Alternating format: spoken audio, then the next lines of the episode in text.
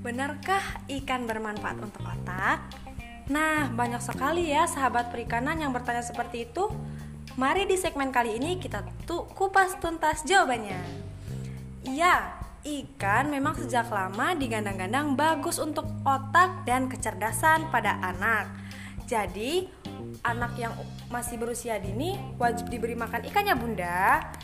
Nah, Dipercayai beberapa jenis ikan memiliki kandungan omega 3, DHA, dan EPA.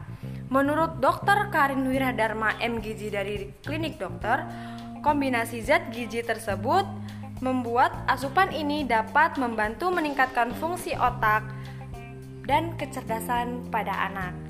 Nah, jadi untuk Bunda, sahabat-sahabat perikanan, bisa memberikan anaknya dua porsi ikan setiap minggunya untuk pertumbuhan otak yang optimal. Nah, namun ingat, hindari memberi secara berlebihan karena berpotensi mengandung merkuri yang dapat merusak sel dan jaringan dalam tubuh anak. Nah, sekian saya Alvira Dian Maharani. Jika ada kesalahan, saya ucapkan mohon maaf. Wabillahi taufiq wal hidayah. Wassalamualaikum warahmatullahi wabarakatuh.